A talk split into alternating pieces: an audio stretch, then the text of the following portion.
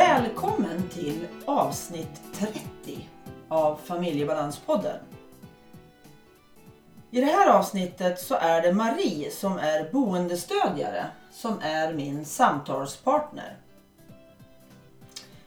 Vi sköter det här samtalet via telefon för vi bor ganska långt ifrån varandra. Så det kommer ni att märka att det är lite olika ljud på våra röster. Ann-Katrin Noreliusson heter jag som driver den här podden. Jag arbetar med kognitiv NPF-coaching och jag föreläser om de olika diagnoserna inom neuropsykiatriska funktionsnedsättningar och sånt som finns runt omkring då, de här diagnoserna. Jag är också förälder till två vuxna barn med diagnoser inom NPF. Det är bland annat de som varit mina läromästare och är inspiratörer till det jag gör idag. Gå gärna in på familjebalans.se. Där hittar du bland annat min blogg och Familjebalans Facebook-sida. Nu kör vi igång!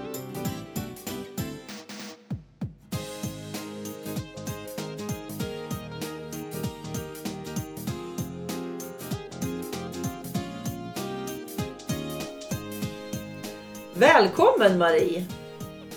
Tack! Ikväll, eller ikväll säger jag, idag i det här avsnittet så ska vi prata om boendestöd.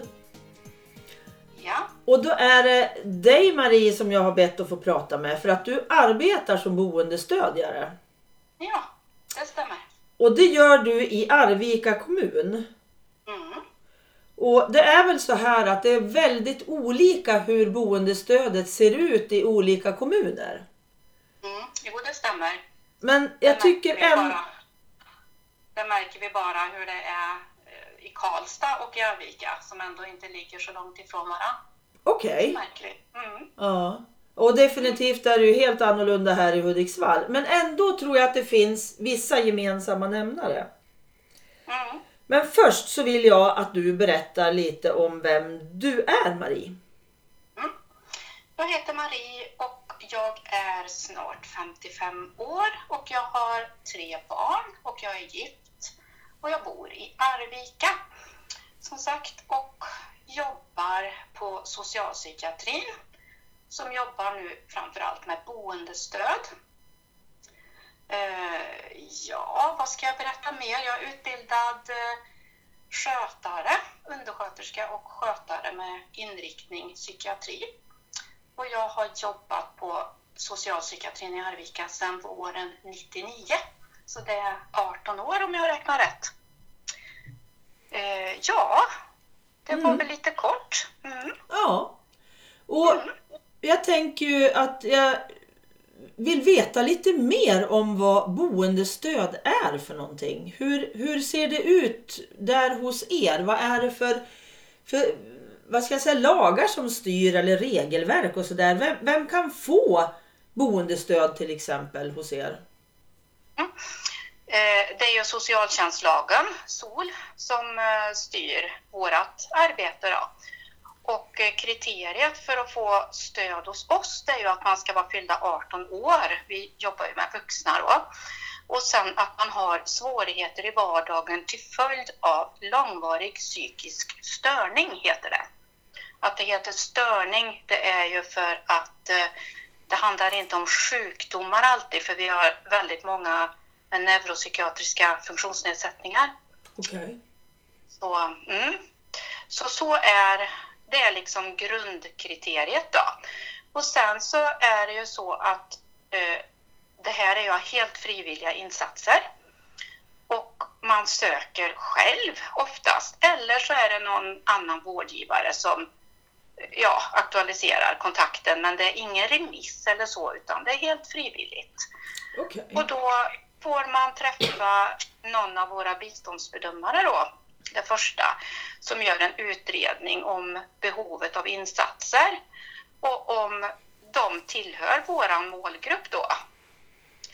Mm. Och eh, är det så att det är ett ärende för oss helt enkelt så eh, får vi ärendet ner till oss i gruppen och eh, då utser vi alltid två stycken ja, kontaktpersoner säger vi då som ja, träffar den här personen. Eh, och det är ju för att minska sårbarheten om någon av oss är sjuk eller ja, mm. så. Så att vi, alltid, vi ska alltid vara två i möjligaste mån som den här personen som vi ska hjälpa eh, så att han eller hon lär känna oss då. Okej. Okay. Mm. Det är väl det börjar vi med då. Och sen så har vi ett beslut då om insatsen ifrån våran eh, biståndsanläggare som beskriver ungefär hur insatsen, ja, vad det handlar om. Sen kompletterar vi detta då med att vi gör en kartläggning. Eh, och då går vi efter vissa arbetsblad plus att vi eh, jobbar parallellt med det, den insatsen som de har sökt hos biståndsanläggaren. Okej. Okay. Mm, och det är ju för att ibland har vi märkt att det är väldigt svårt att precisera exakt vad det är man vill ha stöd med. Utan många gånger så, ja, de vet inte riktigt men de behöver hjälp och de har svårigheter i vardagen. Alltså, ja, det är inte så lätt och ofta är det ju det som är svårt för dem också att precisera vad de behöver stöd med. Okay. Så det kan ju vara i, i svårigheten. Så, men det blir ganska bra för då har vi ju biståndsbedömarens utredning och eh, beslutet som vi försöker att eh, ja, jobba parallellt med då, ut, alltså utifrån det beslutet så gör vi också då en kartläggning. Då. Hur kan, hur kan en sån kartläggning se ut? Mm. Eh, intervju, alltså inte så att vi sitter och fyller i ett papper, men vi har ett papper med intervjufrågor som vi utgår ifrån. Så vi sitter mer och pratar om hur den här personen har det och alltså, försöker att kartlägga hur dagen ser ut. Vi har något som heter en vanlig dag och så har vi något som heter tidiga varningstecken. Och vi har nätverkskarta. Så vi försöker att ringa in hur ser dagen ut för den här personen och ja, hur har han det eller hon och hur mår hon och finns det vissa tider eller vissa dagar eller vissa situationer som man märker att här är det lite tuffare. Ja. Ja, så vi försöker att utifrån det ringa in lite mer specifikt då. Det som är väldigt viktigt det är ju att vi får träffas under en tid också för att få tillit, att vi ska få tillit och att vi bygger upp en relation med våran brukare då som man säger. Eh, så att de, ja, så att de blir trygga med oss och det, det kan ta sin tid. Ibland kan det ta sin tid innan man överhuvudtaget blir insläppt i någons hem. Och ibland är det inte ens säkert att vi blir insläppta utan vi får träffa oss på andra ställen. Så det kan se lite olika ut. Ni är väldigt flexibla låter det som. Mm, det är vi. Jätteflexibla. Och det är ett väldigt flexibelt jobb inom vissa ramar som är ganska töjbara kan man säga. Mm. Mm. Så det är väldigt olika vad vi gör hos dem vi jobbar hos. För det finns ju så olika, alltså det är så stort område så att boendestöd, det är ju, alltså det kan ju vara, dels är vi med på läkarbesök eller på andra, andra instanser, alltså vi kanske är med på Försäkringskassa, Arbetsförmedling eller vad som nu är och mm. vi är med vi är med och jobbar i hemmet och hjälper dem i hemmet med olika saker. Mycket handlar ju om struktur och vi kan vara med på ledsagningar att man på grund av funktionsnedsättning behöver stöd vid möten. Och det kan ju vara läkare, arbetsförmedling eller andra myndigheter. Okay. Och sen har vi även något som heter social träning. Ja. Och det är ju att eh, brukaren ska lära sig hantera påfrestande situationer genom att försöka att vänja sig fram och träna upp vissa sociala färdigheter som det heter. Okej, okay, vad kan det bestå av då? då? Vad kan ja, det vara liksom? Det kan ju vara till exempel att många har ju svårt att gå in i en mataffär. De får panik och ångest. Då är vi med och går in i mataffären och vi är med dem när de handlar. Och vi är med dem i kassan och när de handlar.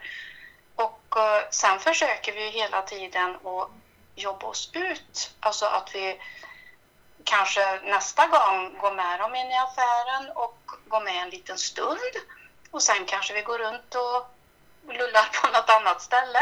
Och så möter vi upp vid kassan. Mm. Så att vi liksom, vi försöker ju att jobba ut oss i den månen som det går då. Fast det här kan ta rätt lång tid va? Ja, ja, det kan det göra och det Mm. kan bli bakslag som man får börja om från början så att det är ingenting som går fort. Man får inte forcera någonting utan det måste få ta sin tid. Ja. Och alla orkar inte alltid, alltså det är ju inte alltid alla som klarar att göra det här själva utan man får alltid vara med och Ja. stötta till i viss mån. Det beror ju alldeles på Ja. vad svårigheten beror på. Mm. Mm. ja, min Marcus har ju boendestöd. Och just Ja. det där med affären har ju varit jätteproblem för honom. Han har ju varit livrädd för att gå till affären. Det har varit så jädra påfrestande. Men Det- vi, via hans boendestöd så har ju han, idag går ju han och handlar själv utan problem. Mm. Men det har ju tagit några år. Ja, men, Men- det kan det ju göra. Ja, men det huvudsaken är att man kommer framåt, att det så sakteliga går framåt. Det är ju jättehäftigt alltså. Ja, man måste ju bli trygg också i situationen och eh, kanske lära sig lite knep. Och en del går ju med hörlurar alltså Mm. för att stänga ute ljud eller man får hitta sin grej så Ja. Hålla fast vid så att man ska hantera det Och det är också, ja, och det är väl också sånt då som ni liksom har tips och idéer och sådär till Ja. brukaren liksom. Eller den som Ja. ni ska hjälpa. Absolut. Ja, Mm, häftigt. så är det ju. Ja. Sen har vi också stöd i hemmet då. Och det kan ju vara att planera och organisera och även genomföra vissa göromål hemma. Sånt som hör ja, vardagen till. Det kan ju vara en del som har svårt att, om jag säger som handlingen då, som att planera matlista och se vad de behöver handla. Då kan vi gå igenom och titta och hjälpa dem med det. Och även planera matsedlar. Och ibland är vi även med och lagar mat. Perfekt. Mm. Perfekt. Och Ja. få in disken i diskmaskin typ. Ja, visst. För det är ju lätt att det hamnar på diskbänken och inte kommer Oh, ja. hela vägen liksom. En del tycker att det är bra med schema. Alla Ja. tycker inte det, men en del funkar det bra för. Men, men eh, ja, det är lite olika. Man måste vara väldigt lyhörd och eh, individanpassad för ingen är den andra lik. Nej. Sen har vi också samtal, fast det är ju, alltså vi är ju inte terapeuter utan det är vanliga jag-stärkande samtal. Vi är ju alla hos oss är ju utbildade i MI, Okej. så det försöker vi ju, ja, så det försöker vi ju använda oss av i den månen som det fungerar. Eh, Och det är ju en bra metod Ja. att använda för den bygger ju mycket på att den man pratar med eller stöttar själv får hitta sin lösning. Det, Och man stöttar och lyssnar och reflekterar. Och, det är motiverande samtal det va? mm, Ja. mm, precis. Så det är bra. Ja. Men är, är det ofta som ni använder er av samtalsbiten? Eller är det bara någon enstaka eller vill alla ha det? Nej, alltså det är ju inte många som vi har samtal med så, utan men det ingår ju, alltså vi jobbar ju med hela människan. Vi Ja. går ju inte in och gör bara en del, utan i, även om vi är med och stöttar i hemmet med vardagssysslor så, så pratar man ju och många tar upp saker som är svårt för dem. Det är inte alla som har någon kompis eller förälder som de kan eh, fråga och rådgöra och olika vardagliga händelser så. Mm, Så att eh, visst, samtalet är viktigt. absolut. Mm. Ja, det kan bli väldigt, väldigt tomt om jag inte har någon att bolla mina tankar med. Absolut. Det är ju en Och jätteviktig många bit. frågor, liksom, det är ju oftast det här eh, vardagliga medmänskliga samtalet som många efterfrågar. Det är inte, alltså terapi är en helt annan sak. Ja, Så det, det måste man få ha. ja, Och så, precis. ofta så är det flera bitar. Mm. Ja. Så är det ju. Men om man tänker sig en dag för dig när du jobbar. Hur, hur kan den se ut när du Vilken tid kommer du till jobbet? Ofta så kommer jag efter halv åtta, eller Okej. runt halv åtta. Mm. Ja. Vet, då kan det vara, vet du vad du? ska göra då? Har du ditt, det vet jag. din plan? Ja, Jag det vet har- du. Okej. Jag har ju mina, alltså grundplaneringen är ju gjord, men sen är det inte alltid att det blir så som man har tänkt, för det kan ju hända saker under dagen. Ja. man vet ju, man kan ju aldrig veta helt säkert, men man har ju en viss planering har man ju när man kommer. Ofta så kan det vara så att vi, vi har ju även medicinutdelning. Okej. För vi har ju även hos oss två sjuksköterskor. Ja. Så att vi har ju även HSL, alltså hälso och sjukvårdslagen. Eh, och i det så är det ju medicindelning som vi åker ut med till en del av våra klienter och brukare då, som inte klarar av olika anledningar att komma och hämta sin medicin eller de behöver stöd med det under en period, längre eller kortare. Och då har vi mediciner som vi åker ut med till en del. Okej. Så, så kan, och det gör vi på morgonen, det första då. Så det, så det kan vara det man börjar med. Och det har vi delat upp olika dagar emellan oss då. Vem som kör medicinturen som vi säger på morgonen då. Okej. Så då gör vi det, åker ut med mediciner och sen så har vi alltid en träff från halv nio på morgonen. Vissa dagar, var fjärde vecka, så har vi handledning av en psykiatriker och psykoterapeut. Okej. Och annars så har vi ja, eget möte när vi diskuterar olika saker som vi känner att vi behöver ta upp. Och sen en, på onsdagar så har vi alltid arbetsplatsträff. Där vi tar upp olika saker. Och eh, också vid halv nio. Och på torsdagar har vi ärendegenomgång. Och då kommer ju våra biståndsanläggare ner och eh, har med sig nya ärenden och dra lite runt om och om det är något vi funderar på och så. Okej. Och så kan vi ta upp med dem. Så vi har rätt mycket tid så på morgonen som vi har till möten och träffar så. Mm. Det är ju så att det är ju inte så många av våra brukare som vill ha besök så tidigt på morgonen. Så Nej. det passar väldigt bra. Mm. Sen går vi oftast ut, de flesta av oss, ja, mellan halv tio och tio brukar vi åka iväg. Och då är det ofta hembesök eh, hos våra olika brukare då. Och vad vi gör, det beror ju helt på vem vi ska träffa. Det kan vara någon vi ska åka med och handla. Det kan vara någon vi ska med på ett möte, läkarbesök eller vad som helst. Så att det har vi ju, det vet vi ju ungefär vad vi ska göra hos dem som vi åker till. Ja. Vi har ju en, en planering. Eh, För det är ju så också att alla våra som vi jobbar med har en personlig utvecklingsplan Okej. som vi jobbar efter.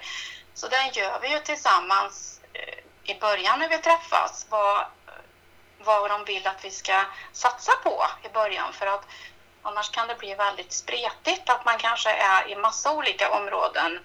Och, Ja.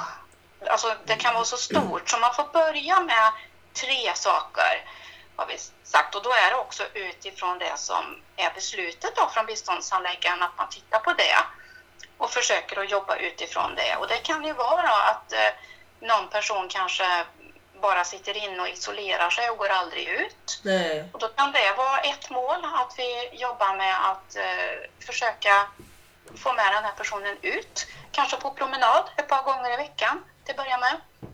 Och så kanske det är så att den här personen aldrig tar ut sina sopor. Okej, Okej. då jobbar vi med det. Att, eh, tar vi det som ett mål att eh, den här personen ska gå ut med sina sopor. Ja. Och sen kan det vara att eh, ja, de kanske sover dåligt. Och då är det ju också, vad beror det på då? Då får man Mm. grunna lite på det och se, är det så att eh, det kanske visar sig att ja, de slarvar med sina mediciner. Okej, då är det ju det också. Att man kanske får titta på vad beror det på då, att de slarvar med sina mediciner. Ja, de kanske glömmer det. Mm. Okej, och då är det ju att vi kanske får titta på hjälpmedel, en sån här karusell till exempel, en medicindoserare. Mm. Och då är det det vi får jobba med också som nummer tre, att eh, de ska ta sina mediciner.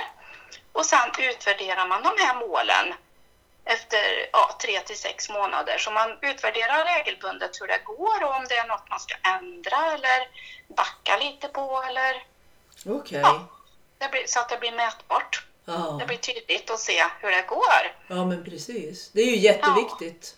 Ja, Absolut. och så gör vi. Ja. Så ni, ni har, det är väldigt, väldigt individanpassat alltså? Oh ja, oh ja. De är ju så olika alla, så det är ju väldigt olika. De har ju olika historier med sig och alla har sitt. Ja. Mm. Men alltså, det är från 18 år säger du. Vad är det för åldersgrupp som är störst? Ja, du, jag vet inte, men det vi vet är ju att det ökar väldigt med ungdomar som kommer från 18 år. Ja. Den gruppen ökar ju mycket. Det gör det. Mm. Så jag skulle kunna tänka mig, alltså runt 25-30 där, det är en stor grupp. Ja. Ja, Och jag förstår ju att många sitter i ett, ett socialt utanförskap. Många Ja, av visst. era klienter. ja det gör de. Så ni är väldigt viktiga tänker jag. Ja, och sen så det gäller ju också att se vad man kan göra för att knyta liksom kontakt med andra vårdgivare. Många är ju, vet ju inte vart de ska vända sig. Nej. Så man får ju vara väldigt mycket spindel i nätet så. Ja. Och jobba med att samordna insatser. Och en del som har väldigt mycket olika insatser så brukar vi också då eh, kalla till ett SIP-möte. Så vi sätter upp en samordnad individuell plan för att underlätta för den här klienten då, Ja. brukaren. Så att eh, det blir tydligare för dem vad de, vilka de ska vända sig till med de olika frågorna och funderingarna. Och så att man träffas regelbundet så fin, då finns det ju chans att prata med samtliga samtidigt. Ja precis, det, blir, det går ju åt mindre tid egentligen för personen som behöver den här insatsen. Att slippa gå på alla ställena och prata utan man kan ta det vid ett tillfälle. Det är Ja, ju precis. suveränt tycker jag för det Ja. har ju kommit till under senare år de här SIP-mötena.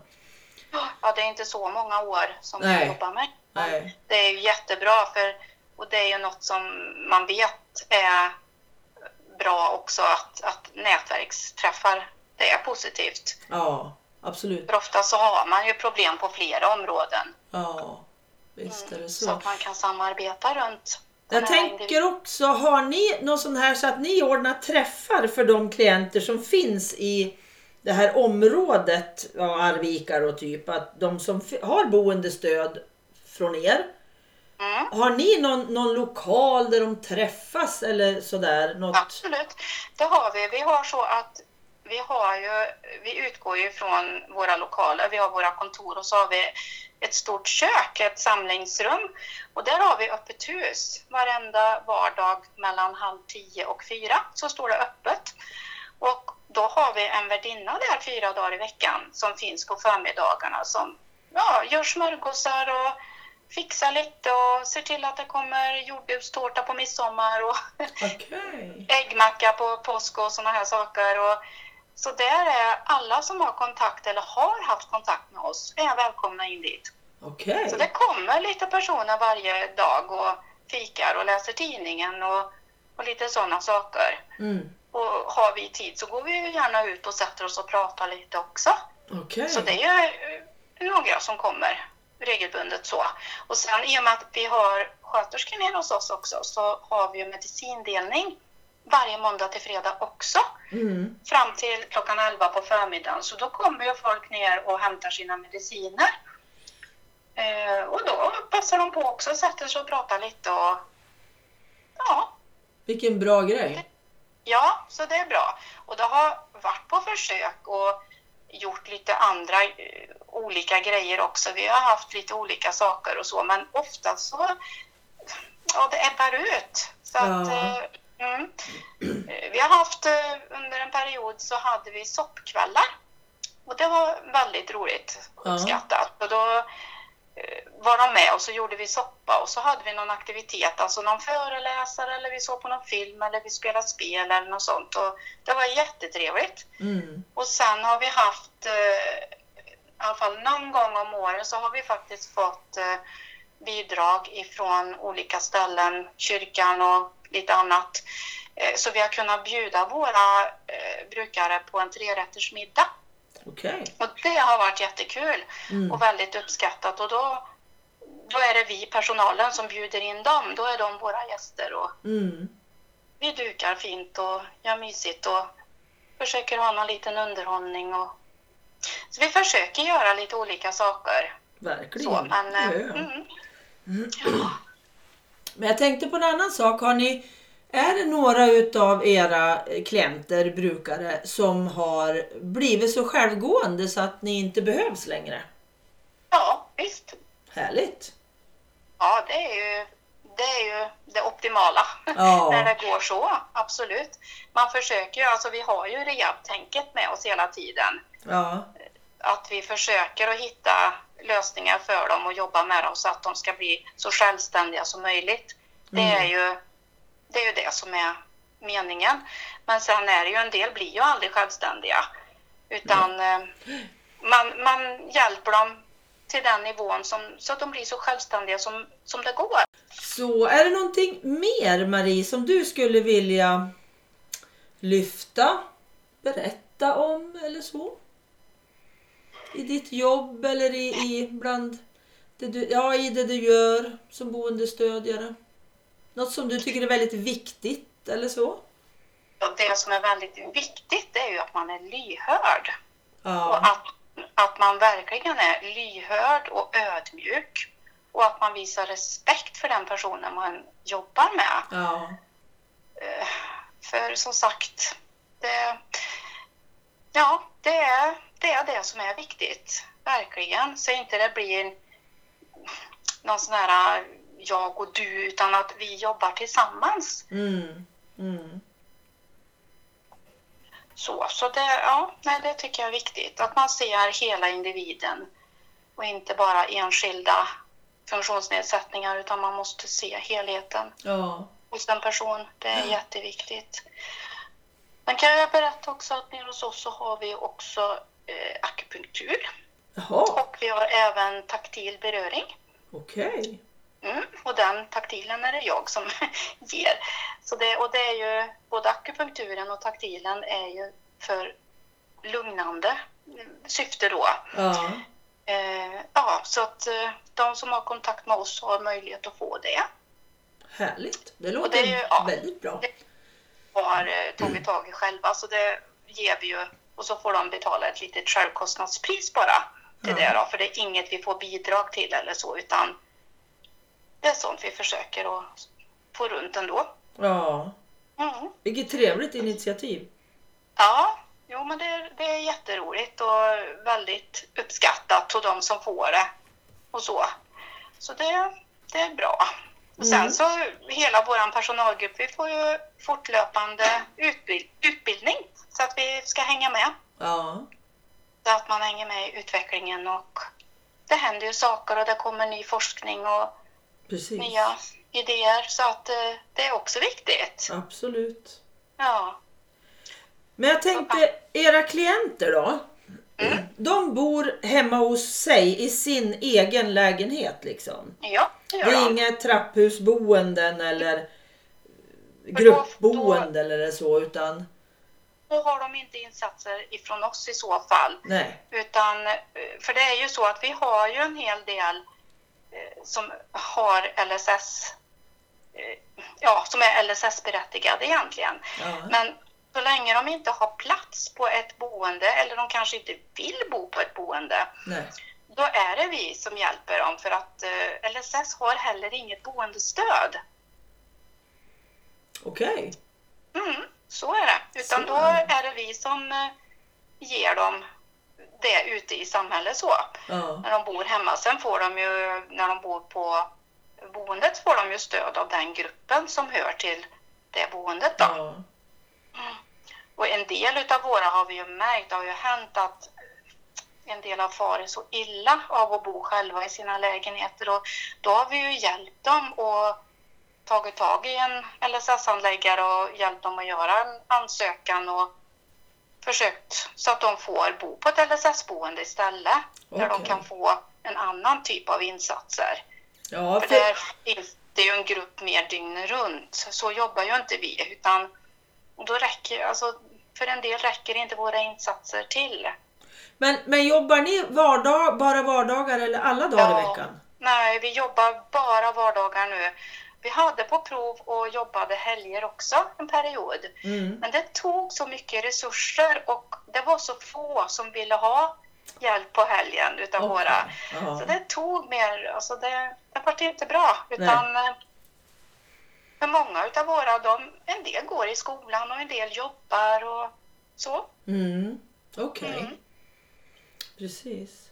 Ja. En sista fråga till dig Marie. Varför blev du boendestödjare? Ja, från början så var det ju så att jag läste eh, skötarutbildningen, undersköterska och skötare 97 och vart eh, väldigt intresserad av psykiatrin.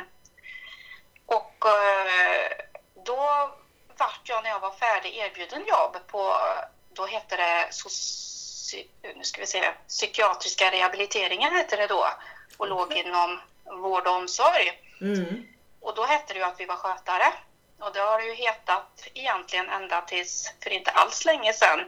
Så att de nyanställda nu som börjar, de blir ju, eh, de får ju titel boendestödjare. Mm. Men eh, ja, så att det är ju, jobbet är detsamma som vi gör. Ja.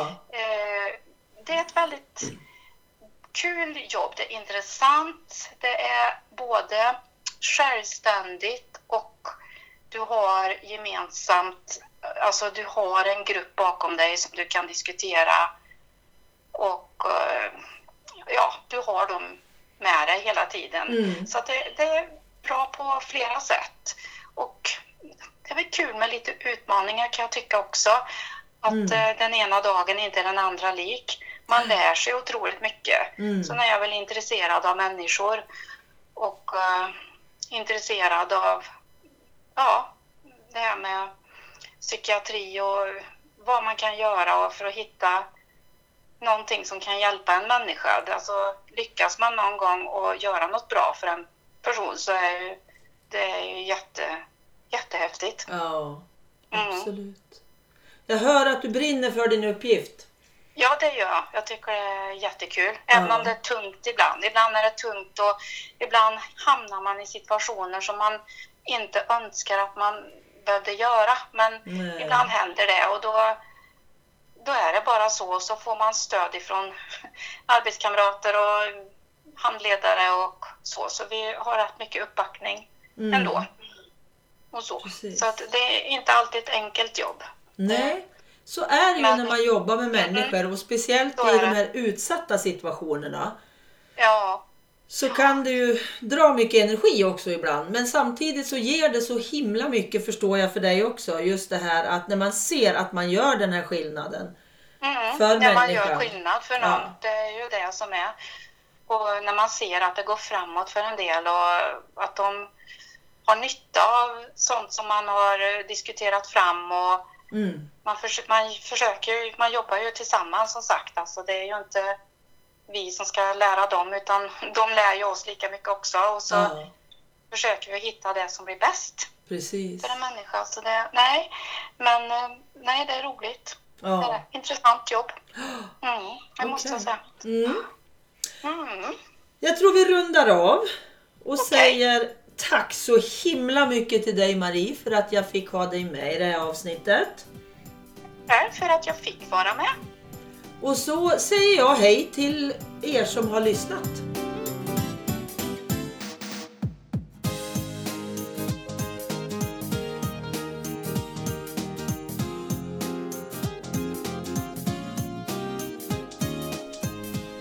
Tack till dig som lyssnat. Tack till Pelle Zetterberg för musiken. Pernilla Wahlman som fortade och till Marcus som fixade poddloggan. Och naturligtvis till Anders för att du redigerar mitt prat. Hoppas vi hörs igen. Hej då!